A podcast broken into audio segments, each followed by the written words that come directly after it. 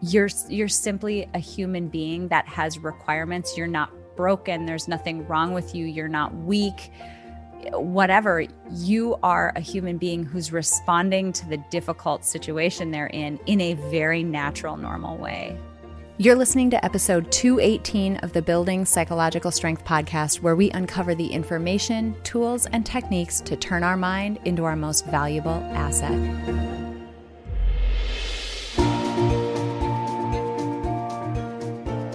The courage to face fears with persistence. Being able to be present enough in this moment to choose my response thoughtfully.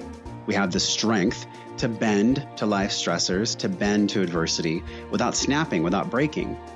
There are only six things that contribute to our quality of life, and they are all experiences. In every moment, we are deciding who we want to be and how we want to live our lives. Noticing what your brain is doing and then being able to make choices. Mobilize the things that we know lift us up. Hey everyone, welcome back to the Building Psych Strength podcast. My name is April and I'm your host. It is at the time that we're recording this, right at the end of January 2021. So this will come out in a couple of weeks, few weeks. So it'll be maybe mid February when this episode actually airs. But regardless, we are right at the point where we're at a year of being in the COVID epidemic. I feel like we need to take a deep breath just yeah, at the thought of thinking about that. Um, at least for myself, I remember back when everything really started in the United States. I remember cleaning out my office and canceling my office subs- like my office uh, lease thinking should I actually be doing this because will it will we be back here in just a few weeks? Like how naive does that sound now? But I bring that up because we've really come a long way and we've really been in the midst of this challenge for a very long time now, much longer than probably any of us expected in the beginning. Mm-hmm. And there's we've we've been through a number of seasons of the COVID epidemic and you can feel one hitting again. And that is the season of COVID fatigue. We've been in our homes, social distancing. Our lives have been up, I mean, uh, upturned. We've gone without social interaction and so many of the resources that we typically have access to in our lives. And we've been doing it for a very long time, and people are getting tired, mm-hmm. understandably mm-hmm. tired. And because of that, that's what we're going to be talking about today. We've been hearing it from so many people, seeing it in the news. It's coming up on social media. People are getting tired. So, we're going to talk about this phenomenon of virus fatigue in the context of a way of thinking about, say, positive psychology uh, by applying that to this notion of virus fatigue in the hopes that number one, you'll understand yourself a little bit more and understand the situation you're in. That alone can bring relief, but also, two, with the goal of giving you a way of thinking about how you might make some changes or improvements in the way that you're living this very weird life that we're all living because we're going to be in it for a little bit longer until hopefully the vaccine takes care of it or however this ends. So, today we're going to be diving into this notion of virus fatigue. You heard her. Ashley's here with me. I'm so pumped because this Hi. topic is one that is so necessary for people. Yes. And so I think we should just dive in there. Let me start by telling you about my aloe plant. I like to talk about my aloe plant. So you guys might have heard it um, from me before, but there's a point and it's related. So I don't have much of a green thumb. And several years ago, a dear friend of mine was traveling through. She stayed with me. And as a thank you for letting her crash in my apartment, she gave me this aloe plant. Cool. I just kind of left it alone. I was on the eighth floor in a downtown loft, one window in the living room that I kept closed most of the time. And I barely remembered to water this thing. And it didn't die. It's a hardy sucker, right? So it, I mean, it, it kind of shriveled. It was sort of like a brownish, icky color and and small. And then I moved. And now it's in a place where it gets the right kind of light. I have a partner who does have a green thumb and he remembers to water it all the time.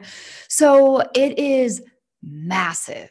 It is green. It's still kind of sideways cuz you know, early trauma, but it's it's thriving. And every time I look at my aloe plant, it makes me think about how important the right conditions to thrive are. That you, you know, just like my plant, you know, humans, we need certain conditions in order to thrive and to be healthy and happy. And COVID has just wiped it out. It's the equivalent of my poor plant in the downtown lightless apartment. And, and I think that's so important. And especially over the last, you know, as we hit winter, I started to hear it more and more from adults, especially from teenagers, but just this heaviness and this ick. And, and it's like we've been slogging up a hill or up a mountain with these packs on, and all of a sudden 20 more pounds just got added. Mm. It's been hard.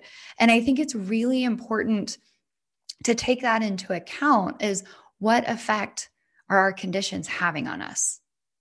and yeah. the implications there and what are we going to do about it if, if, anything yeah what i love about that story is it immediately it's it's like the fastest thing that we can do for someone at peak mind is to give them an understanding of the circumstances they're in because right like let's let's take your plant. Let's stay on that mm-hmm. analogy.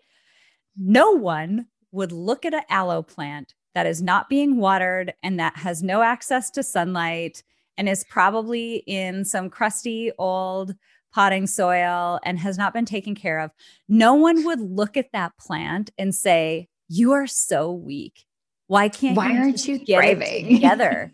like what's wrong with you? You should be growing. There's other mm-hmm. aloe plants that are so much larger and more supple and whatever than you. How mm-hmm. dare you? you, we somehow looking at this house plant we somehow can muster up more compassion for that cell that house plant simply by recognizing the fact that it's it's a it's a living thing that requires right. certain characteristics in order to continue living well and when it's not in that situation it doesn't live well but when it's us and we're in the midst of COVID, which is basically your plant sitting in its crusty corner with no water. Right. That's pretty much COVID. We're looking at ourselves like, what is wrong with me? And uh, it, we're feeling fatigued naturally. So, right. the fastest thing we can do for somebody in peak mind is help characterize a situation and give you a little bit more transparency and self awareness into the fact that you're you're simply a human being that has requirements. You're not broken. There's nothing wrong with you. You're not weak whatever you are a human being who's responding to the difficult situation they're in in a very mm-hmm. natural normal way mm-hmm. and that understanding makes such a difference right so we don't compound the problem by saying try harder or you should just suck it up like no, there there are times when sure maybe it is an effort thing and you need to try harder, but my poor plant was doing the best it could and it did a great job to be flat honest. It's still alive and this is I don't know, 4 years later. So I think having that understanding of what's going on and making sense out of why you're experiencing what you're experiencing is a great first step. Mm-hmm. And if we kind of circle back to this idea about conditions to thrive, well, we know what that is for a planet sunlight and water. What is it for a human? Mm-hmm. And I think about it because I'm going to come at things more from like a clinical psychology perspective, right? Preventing depression and uh, promoting well being. And there are some things that humans need, like connection and belonging. We need novelty or variety. We need things to be interesting. We need physical movement. We need a sense of purpose. We need some of some things that have really been interrupted. And I would actually argue that the term me choosing the word need is very intentional. These are not wants. These are not frivolous extras. These are the things that we need in order to thrive. Mm-hmm. I love that live you use the word need. I yeah. For need because especially in the United States, I, I mean, this this situation of COVID has brought out the both the strengths and the weaknesses of us individually, of us collectively, and as and of us as a culture mm-hmm. in whatever country we're in, but in in our case, being in the United States. And one of the things that it has exposed in the United States is this belief that we all have that we should somehow be able to just suck it up in the worst of circumstances. You see this belief permeate so many aspects of uh, our, our, work environment, right? You get X number of sick days. We get a very slim amount of vacation each year if you're in a in a typical nine to five job. Um, we and and a lot of times people are expected to not take those days we're expected right. to just be able to go and persist and not bring our problems to work and be able to just be there and get it done. And that belief that somehow we should just be able to white knuckle and push through mm-hmm. in a situation that is truly difficult like this one where it is not possible to do it it can lead to what you're saying where you're very hard on yourself and judging yourself for not mm-hmm. being able to perform at the same level that you could before. But again, think of yourself as a house plant. How could you? Right. How could you? Right. I mean, I'm just thinking about like taking your car on a cross country trip and expecting it to make it through the desert and the mountains and snow and whatever without doing any sort of maintenance, without ever stopping to fuel it up or let the engine cool down or whatever else you have to do with cars. But the point being, if we're not taking care of it, like just expecting it to go, go, go, despite whatever the conditions are and not needing to recharge or regroup, it, it, it's unrealistic. And I think that's part of, like, I like how you put it, uh, you know, COVID exposed this is I think a lot of people were already in these really strained, maxed out systems as an individual, in a family, in a work environment, they're already stretched to the max. And then we added more strain and it's just collapsing. Mm-hmm. Yeah. So you brought up a few of these conditions mm-hmm. to thrive. We're going to go through, and there are likely more, but we're going to yeah. go through seven of the big ones that are impacting people right now in the situation that we're in. And then we'll wrap up this episode with a few tips of how you might um, obviously not completely rid ourselves of the difficulty we're in, but maybe elevate the experience a bit and mm-hmm. um, create a little bit more ease in your life. So, obviously, I mean, there is an obvious place to start here. Uh, the social interaction yep. and social connection uh, lack that we are all experiencing mm-hmm. with COVID is very real and it is very severe. Being away from people, Zoom is not the same being away from people has mm-hmm. really taken its toll. And it does. And I, I think, you know, perhaps more so for some people than others, but most humans have some sort of social needs. And depending on your circumstances, those those may be considerably thwarted um, if you're not able to be fam- to be around family, if you live alone, and as and it also kind of depends, of course, on on where you live and and what precautions you're taking or or being required to take. But the bottom line is our our social interactions have been just so dramatically disrupted. We don't get to gather in the same ways. Like I even think about, you know, these rites of passage like high school graduation and college graduation, weddings, funerals. Yeah. These are these are moments where as a human we tend to gather together to celebrate and honor it and that's been ripped out. And it's been really hard, right? Like when I even think from a grief standpoint when you can't gather together to honor the person and whatever that looks like, that that's very real.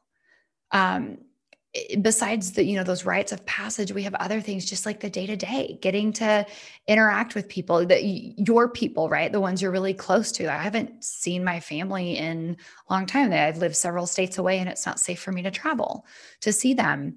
Um, and i'm not the only one by any means.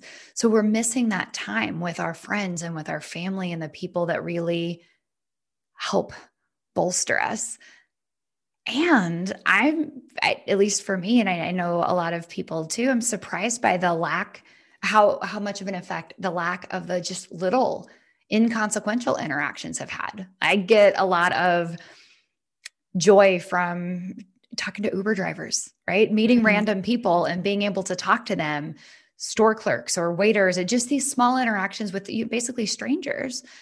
And that's been gone in in large part. So these these social interactions have been just really really interrupted.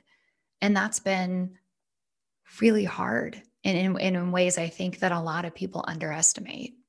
Yeah you're you're dead on with the even the lack of these smaller social interactions. Mm-hmm. we did an episode it's it's a year maybe a little more uh, with a man by the name of peter montoya and we talked about exactly this. And I can't remember the percentage, but uh, he talked about how many, like how much social interaction time we need in a given day.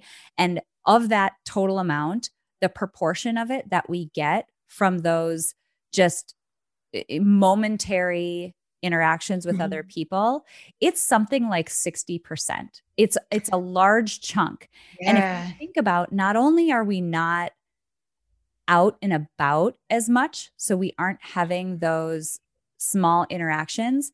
But how expressive can you be with another person when half of your face is covered up? I was just thinking about that and, and the toll that that takes, right? Like you're missing out on a lot of communication and it feels weird, like a barrier. I think that's real. It sounds really strange, but I've literally started like you used to acknowledge people by like a small smile or oh. like a casual like something, right? In a, in just a, a nice social setting. Um, mm-hmm. I've started either raising my eyebrows or winking at people. It's more like a hey, I see you because that is the only part of my face that anybody can see. and I'm hoping it's doing something for someone. But I like that. But I, I, think about that at the grocery store. How many times I've like looked at someone and smiled, and I'm like, you can't tell that I'm smiling because my mask covers my entire face. So, mm-hmm. um, yeah, I like that. I like that of a, another gesture. Or I, have even had to say like, I'm smiling right yeah, now. Yeah. Um, like narrate it. So yeah, that's tough. And and you know the other piece I think to your point about like Zoom and text, like we've gotten creative of ways to stay connected but it doesn't feel the same. No. Right. We miss out on on some of that. It's it's different. I mean, I'll take it over nothing. But it, it's sort of the one of the criticisms of social media pre-pandemic is that it gives this sort of false sense of connection. Like you have a lot of connections, like how many Facebook friends or Insta followers or whatever it is. So it like feels like a lot of connections, but they're superficial. So they're not real connections and i think there's some of that going on too. Like we can we can zoom. Everybody's a little zoomed out at this point too. So like mustering the energy for that is also getting hard. But it just it doesn't feel the same as quality time together in the same room or in the same space. And i think that's that's been a real challenge. Yeah. A related one. So factor number one um condition number one social interaction and connection also, very related to that, physical touch. I know that one. I remember, you know, as a kid and my mom, or as a teenager, my mom commenting, like, wow, you and your friends hug a lot. And I don't know if that's everybody or if it was just, you know, my cohort, but I'm, I'm a hugger. And that's been really hard because it's a, a very small number of people that I'm able to hug now.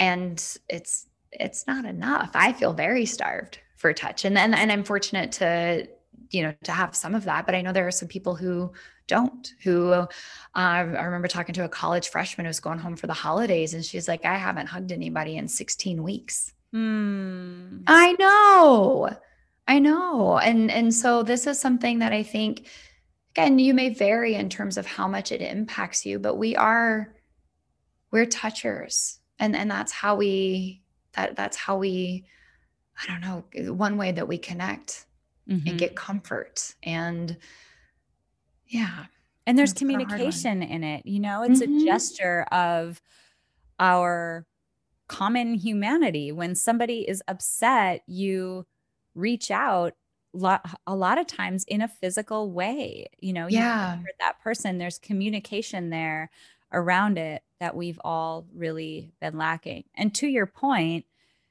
it was a great one that depending upon our circumstances you may be experiencing certain ones of these to a way greater degree than other mm-hmm. people would be um, but it's you know we're hoping with this episode we're hitting a variety of them uh, to help you put words to the way that you might be feeling in a mm-hmm. time that is pretty multifaceted and difficult. Yeah. Or to even recognize, like, wow, wait, actually, this has been missing. And maybe that's contributing to what I've been feeling. I got to say that when I think about the social and the physical touch, it makes me think about um, dating and how difficult dating during mm. the pandemic mm. has been. And so, for some people, depending on where you are in your stage of life, not being able to do that is a really big deal. And for other people, it's fine. You can be patient or you're not in that space where you're really looking for a romantic connection, but it's been hard. Like, how do you figure mm-hmm. out how to even get together if you can't go grab coffee or food or something? So right. it's been tough. It has. And I feel like, and this is transitioning into this, the third condition, I feel like this in some ways, COVID has been the story of extremes. So some people may feel like there's you know a lack of social interaction a lack of physical touch if you go to the other side of the continuum mm-hmm. introverts we're talking to you now um, there's there can be this craving for alone time yeah. to be alone when everyone's working from home kids are going to school at home everyone's home all day long you don't really even have a commute where you can sit in your car alone. There's such a lack of that and yeah. it's tough. Well it is and, and i've talked to a lot of people who really need that. I mean, let me throw out introverted, extroverted. People misunderstand those. The easiest way to think about it is do you recharge on your own or do you recharge around other people? Either way, COVID has twisted it up. Right. So if you're a recharge by yourself kind of person, there is a thing as too much together time. Right. And mm-hmm. and I know that sometimes even you could say, well, cool, I'll just go to this other room by myself or my family isn't in the same room, but sometimes even just their presence in the house and the possibility that someone could come in and interrupt you keeps it from feeling like a recharge. Mm.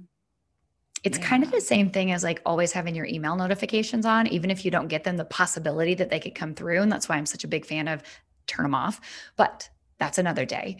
But this is really important because people aren't getting that time by themselves to be able to relax and recharge in the way they need to. Yeah. True real time mm-hmm. by themselves. That's such a good distinction. Mm-hmm. And it can be a tough one for you to communicate to other people um, if they're not in that same position where they need alone time to right. recharge. It can be a hard one to communicate. Mm-hmm. I love it. You mentioned uh, at the beginning this notion of variety. Yes. So this is one, I mean, personally, I, I, I think it is very, very important, but I also, I think you know humans we we need some novelty. We need some variety. And I don't even think it's just humans. Like I go back to this I'm going to nerd out for just a second but there are these classic studies on substance use like I think in the 70s where they in, in rats and they put rats in these cages where they had the choice between like water food or like drug laced water and all these rats overdosed because they just keep hitting the heroin water over and over and over and over. So people would say, okay, look at look at what's happening. Some brilliant researcher came in and said, well, wait a minute, whole conditions to thrive thing. Put and he said, you know, rats are social and they need to play. So built them like rat world, basically where they had access to other rats and to, you know, play and things. Rats were healthy and no more overdoses. So I, I throw that out just to say, you know, it's not just rats. We we too need novelty. Like, how many of you out there have found yourselves thinking about, oh my goodness, it's Groundhog Day? It's the same day over and over and over. And while, yes, typically humans thrive with structure and predictability, monotony is not good for us. We're Yeah. bored. Yeah. And well, and it's this weird juxtaposition of like boredom and high stress. Like, there's nothing to do, but it's a total crisis. And that's also been really weird, I think, to kind of wrap our heads around. But that's one of the things that I think has been uh, an unexpected. I think sometimes people don't realize the impact that can have.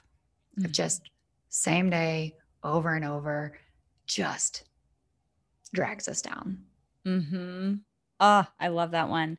It's uh, uh, folks listening to this, you may or may not know this. We've talked about it a little bit on the podcast, but Ashley has been doing for a number of years this challenge to do one new experience every single week. And I remember you saying uh, there have been some unexpected positive benefits from these new experiences. And you think about the situation that we've been in and we're we're lacking in all of that. And so much about us psychologically if we don't exercise it it mm-hmm. can atrophy a little bit. Like we Yeah. just don't as quickly go to rely on a skill or we aren't as able to invoke a skill. I mean, heck, the other day I was trying to remember the name of a woman who I probably spoke to twice a month pre pandemic, um, could not remember her name, names of people that I've known forever. I feel like just this lack of social interaction has made me to the point where I like I can't remember people's names anymore. I can't remember basic social things as one example, but that variety piece, like you Mhm. you sort of lose your zest for it even though it's like a necessity. It's just things start to stagnate.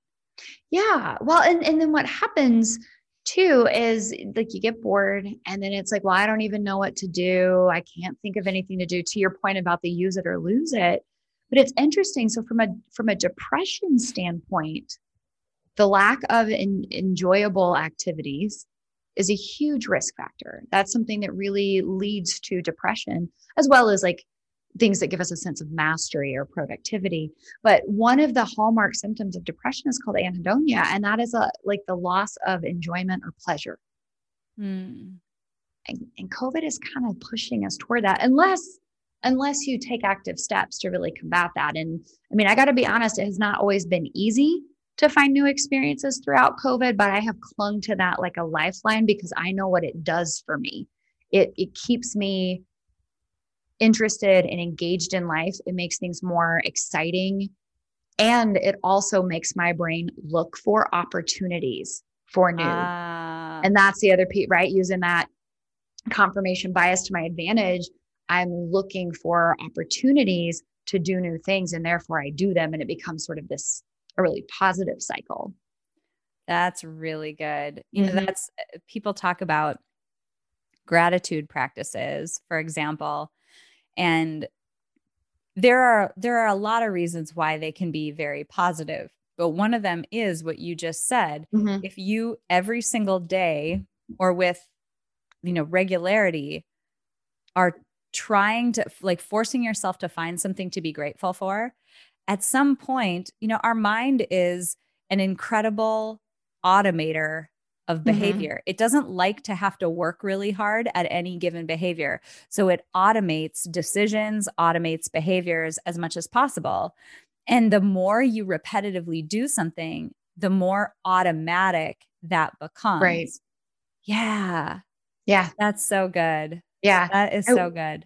I will throw out just while we're kind of on this, I know it's not exactly related, but there are people who have been able to kind of accept the pandemic. And, and by that, I don't mean like it or want it. I just mean acknowledge things as they actually are.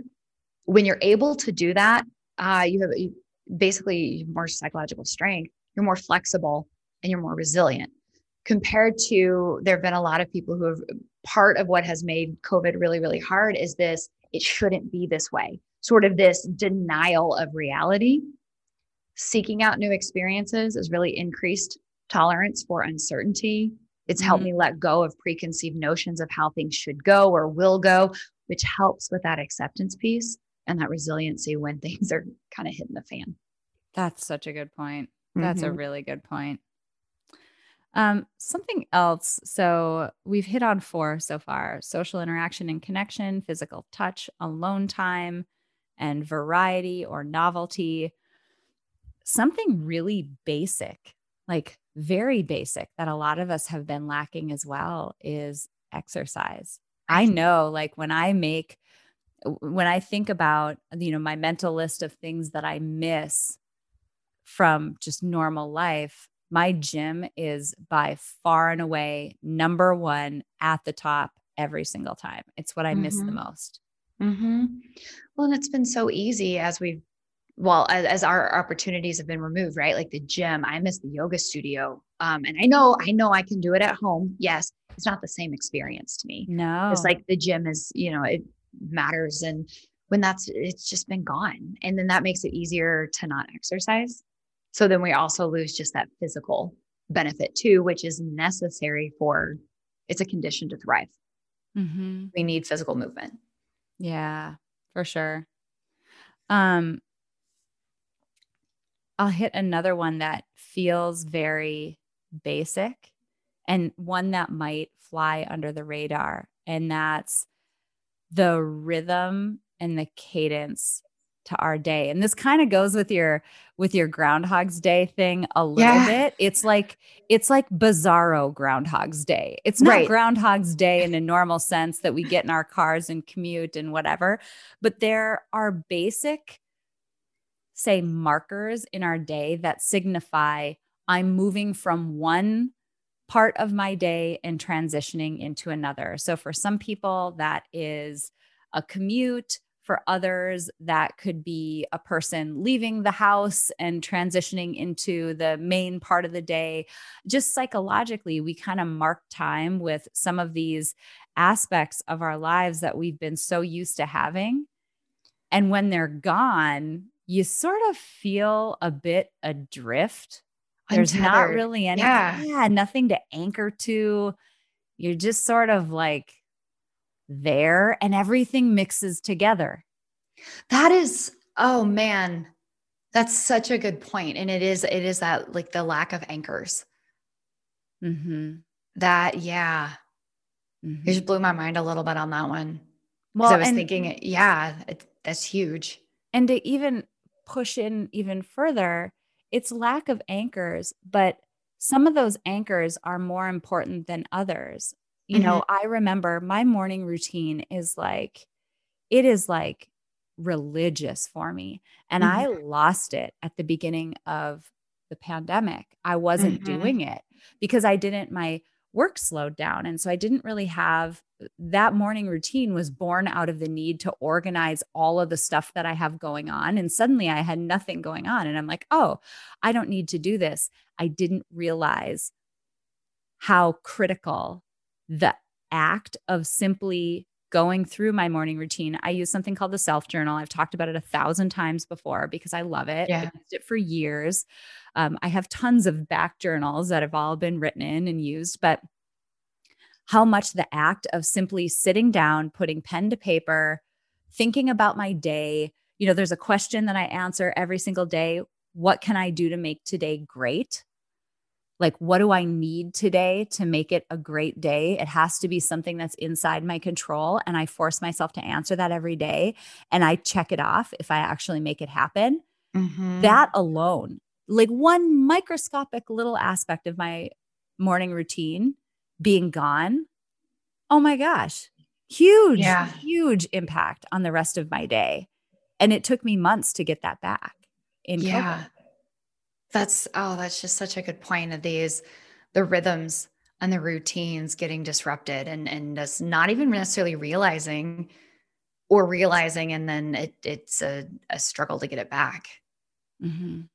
And that, you know, makes me think of as you were talking about that, what can I do to make it great? Makes me think of the another area like the meaning and purpose. Yeah. Right. Like what I think has been hard in, in COVID is I, I think if we knew going into it, it's going to be two years we prepare for that a little bit differently mentally, right? As opposed to like, I know a lot of people who left their offices back in March, left stuff there because it was a two week, two week thing is what, what we were told. And then it was six weeks. And then, and, and, and it's just sort of been this ever moving finish line. And I think that's, that's put a lot of us into this like, kind of limbo, like we're waiting for COVID to end so we can resume normal life, as opposed to just figuring out, okay, well, this is normal life at this point. It will change again, I hope. And how can we still move forward with purpose? And how mm-hmm. can we still find meaning, especially if the things that gave you that have been hijacked by COVID? Mm-hmm. Yeah. We, you know, we're kind of mixing frameworks right now, these conditions to thrive. There's a very similar framework that we talk about uh, called PERMA. And mm-hmm. I'm totally putting us on the spot. So help me fill in where I'm going to miss it. But gotcha. it's, a, it's an acronym. Yep. So this is like this is like Martin Seligman, the OG of positive psychology. This is his work. And it's mm-hmm. positive emotion, mm-hmm. engagement, engagement yep. relationships, yep, meaning, and achievement and for achievement. achievement's sake. Yeah. We need then these are the factors that we need to promote well-being. Yep. So I think there's a huge overlap with what we're talking about. Like, I mean, social connections can provide relationships, positive emotions, meaning. Yeah. Um, so there, there's there's a lot of overlap, I think. But yeah. I love I love that you just pulled in the perma factors because I think those are really important. Well, and the, it, I mean, it's what we're getting at here, though, is we've got conditions to thrive, we've got the perma factors. The idea, so many, there's to your point, there's so much alignment between what we're talking about because these mm-hmm. are basic necessities, meaning and a bigger purpose, something that is larger than you is yeah. a basic necessity. And that's, I mean, frankly, it's one of the things that draws people to institutions like religion and entrepreneurship and whatever because you're building something or you're concentrating on and working towards something that is larger than you that has a purpose. Which and it makes it it, it just you, such a huge piece of people's lives. Well yeah and and doing that having something bigger to focus on than you pulls you out of yourself. I yeah. mean i don't i rarely see anything good happening from going inward and ruminating, right? Now, maybe some self reflection, it's a different kind of inward thinking. So it can pull us out of ourselves. But the other thing is like having a bigger purpose helps us endure the hard stuff, right? Like I know you and I both value education. I don't know about you. No, I do know. Neither one of us really like had fun writing our dissertations. yeah, I remember you having to do so many. Let's slides. just not. Let's just, just, not. not. Um, oh, I'm starting to shake over here. right. Okay. My bad. My bad. So it, like it wasn't a fun thing, but it was for a higher purpose, right? It was a, it was a greater good, like uh, this these educational goals that we had, and so I think sometimes when you can connect to that higher purpose and and find meaning, it makes it easier to endure the ick. That's absolutely right. That's absolutely right, and it provides perspective on the size of the challenge and problem that mm-hmm. you're focused on. Yeah. You know, like I'm I'm literally going to do this. I'm I'm literally going to do it. I'm going to make a, a reference from Frozen. I'm sorry. I have young kids. I'm going there. But in the first Frozen, Frozen 1, um Elsa runs away from home and she's like running through the, you know, snow filled mountains and she's starting to sing her crazy song and build her crazy ice castle for one. And she says it's funny how some distance can make everything seem small. And I feel like that broader, focusing on a broader purpose, a bigger purpose, something meaningful can help contextualize things that objectively are smaller matters. Mm-hmm. It's tough to get too caught up in, you know, who did or didn't do the dishes. I'm just making something up right now when you're very focused and aligned on something that is a bigger, meaningful Right. thing. It's I mean, you might be momentarily annoyed and and rightfully so. Great. I mean, cool. But to get emotionally wrapped up in it where you're starting to argue with that other person inside your head and plot out what you're going to say, um, and it's eating up a larger proportion of your life than maybe you Mhm. want it to, um, that comparison can really help contextualize. I love personally the on the scale of bad things, where does this fall between paper cut and nuclear disaster? No Both kidding. are bad, but they're very, very different. And so sometimes just even asking that question can help put things Mhm. in perspective. Yeah. Did we So hit all seven? Yeah, we've talked about Okay. seven. So social connection, we talked about physical touch, we talked about alone time, uh, variety, exercise, our rhythms and routine, and broader purpose and vision. So with all of those in mind, I would just say right now, if you're in a position where you can hit pause and just give yourself a second to think about which of those is the biggest one for you right now or Mhm. ones where do you feel the least contentment or the least fulfillment where do things feel like you're lacking Where's we're the gonna- biggest change? yeah Right from pre to post. Yeah, it's huge. And we're going to turn the corner now and just give you some quick tips and quick ways of thinking about some of it from a life design perspective and some of it from a psych perspective about how you might move forward and probably not completely fix your situation, but elevate it a little bit. So I think maybe just kind of starting with like experimenting from that life design perspective is looking Mhm. at once you can kind of wrap your head around, oh, these are some things that are lacking, or hey, wait, I notice I used to hug six people a day and now it's maybe one a week.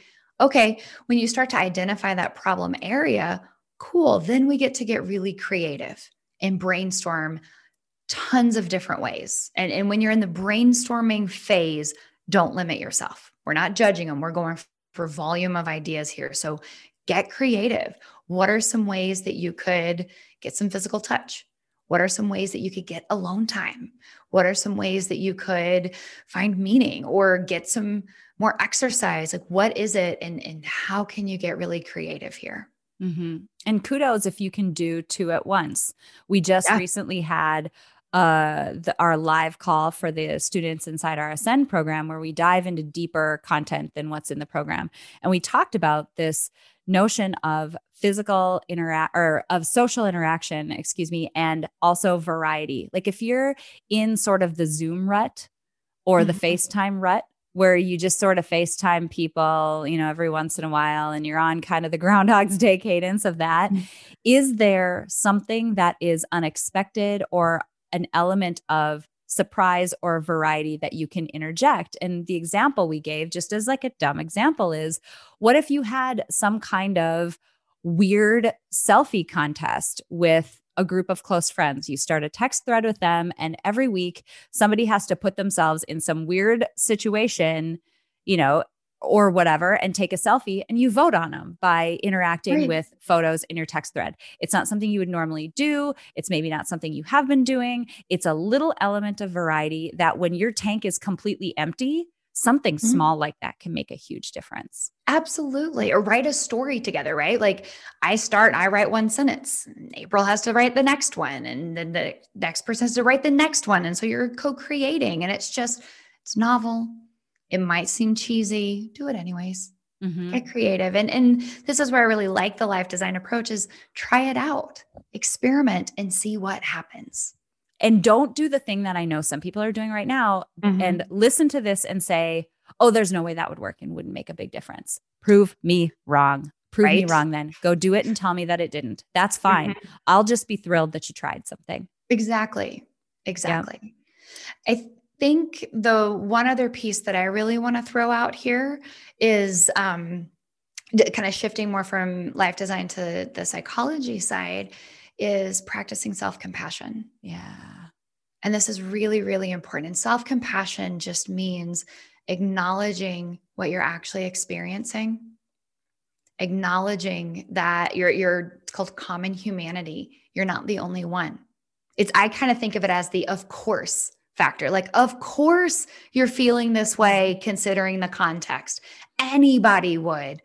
And offering yourself a kindness. And it's a mm. really powerful skill that across the board can help in so many different ways. And think about if you cultivate it now, right? How much it pays off in the future when that's something you can rely on. My I love your of course factor. Mm-hmm. I occasionally will work with this incredible coach. Her name is Shannon Schottler. Hi, if you're listening. Uh but she you know if you if you say something to her like you know, I was in this really tough situation. I was really struggling with it. She'll look at you and she'll cock her head to the side and she'll say, Well, how very human of you. and it's just wonderful because you're like, Right. It's because I'm human. Oh my gosh. And so that recognition and the self compassion uh-huh. that can come from it is wonderful. And it really does change the mood, it changes the weight of what you're experiencing, mm-hmm. and it changes your relationship with yourself, which yeah. in the situation we're in, it's a pretty dang important one. Absolutely. And if you want some help with that, we've got you. Uh, peakmindpsychology.com backslash support. We have a free self compassion exercise. It's one of our favorite versions to practice self compassion. It's like a five minute exercise. And there's a couple other really helpful uh, tools there too. So peakmindpsychology.com backslash support. Yep. If you go to that page, you'll just enter your information. You'll get immediate access to these three tools. A hundred percent honestly, I have that page bookmarked. I use it. Ashley's voice is in the self compassion one, and Ashley talks me off a ledge probably twice a month. I would say I go in and I listen to it, and it really does help. So I would highly encourage you to not only take us up on this freebie, but bookmark that page, come back to it. That's what they're there for. They're meant, and we've gone in, we can see statistics of uh, people who sign up for this free resource, and people come in four, five, six times and you mm-hmm. repeat it. And this was a while ago. So I haven't looked at the stats recently. So people repeatedly use them. That's what they're for. That's right. why they're there. Yeah. So I hope you know, we've gone through these seven different conditions to thrive. We threw a little PERMA in there just for funsies um, and some tips for thinking about how to move forward. Really, our biggest goal here is we see you, we know you're tired. We're tired. Everybody's tired of this.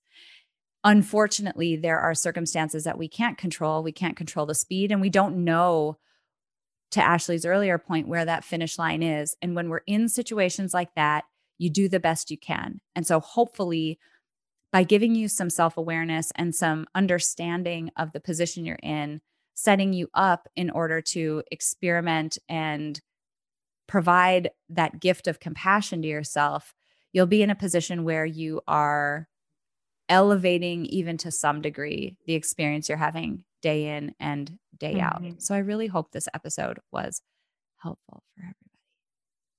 All right, we will see you next week for another awesome episode. P.S. Before we go, uh, we're releasing pretty much three times a week now. So catch us on Mondays. Monday is uh, Mindset Minute Monday.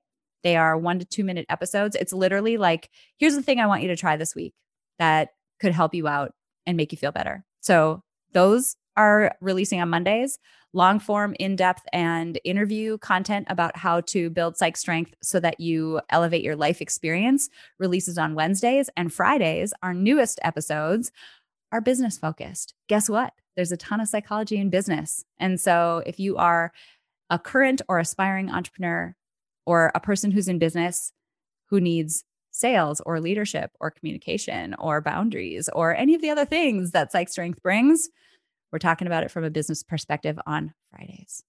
All right, guys.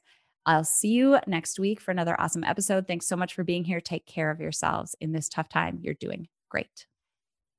It's a simple fact that nearly everyone in the world could benefit from building psychological strength, but not everyone will put in the time and effort to do so. But today you did.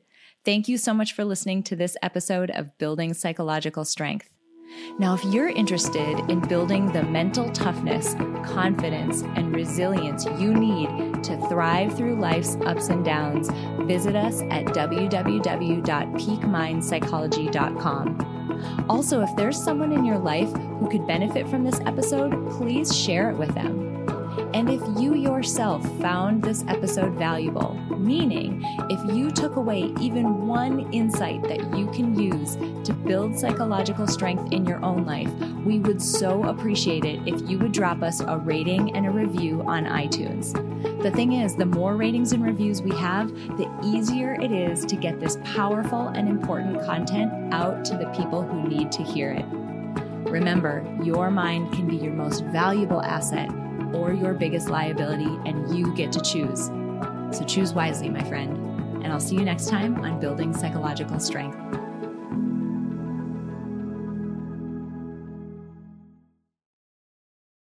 At Parker, our purpose is simple. We want to make the world a better place by working more efficiently, by using more sustainable practices, by developing better technologies. We keep moving forward. With each new idea, innovation, and partnership, we're one step closer to fulfilling our purpose every single day. To find out more, visit parker.com/purpose. Parker, engineering your success. As humans, we're naturally driven by the search for better. But when it comes to hiring, the best way to search for a candidate isn't to search at all. Don't search, match with Indeed. When I was looking to hire someone, it was so slow and overwhelming. I wish I had used Indeed. If you need to hire, you need Indeed. Indeed is your matching and hiring platform with over 350 million global monthly visitors, according to Indeed data, and a matching engine that helps you find quality candidates fast. Ditch the busy work. Use Indeed for scheduling, screening, and messaging so you can connect with candidates faster. And Indeed doesn't just help you hire faster. 93% of employers agree Indeed delivers the highest quality matches compared to other job sites, according to a recent Indeed survey. And listeners of this show will get a $75 sponsored job credit to get your jobs more visibility at Indeed.com slash podcast. That's Indeed.com slash podcast. Terms and conditions apply.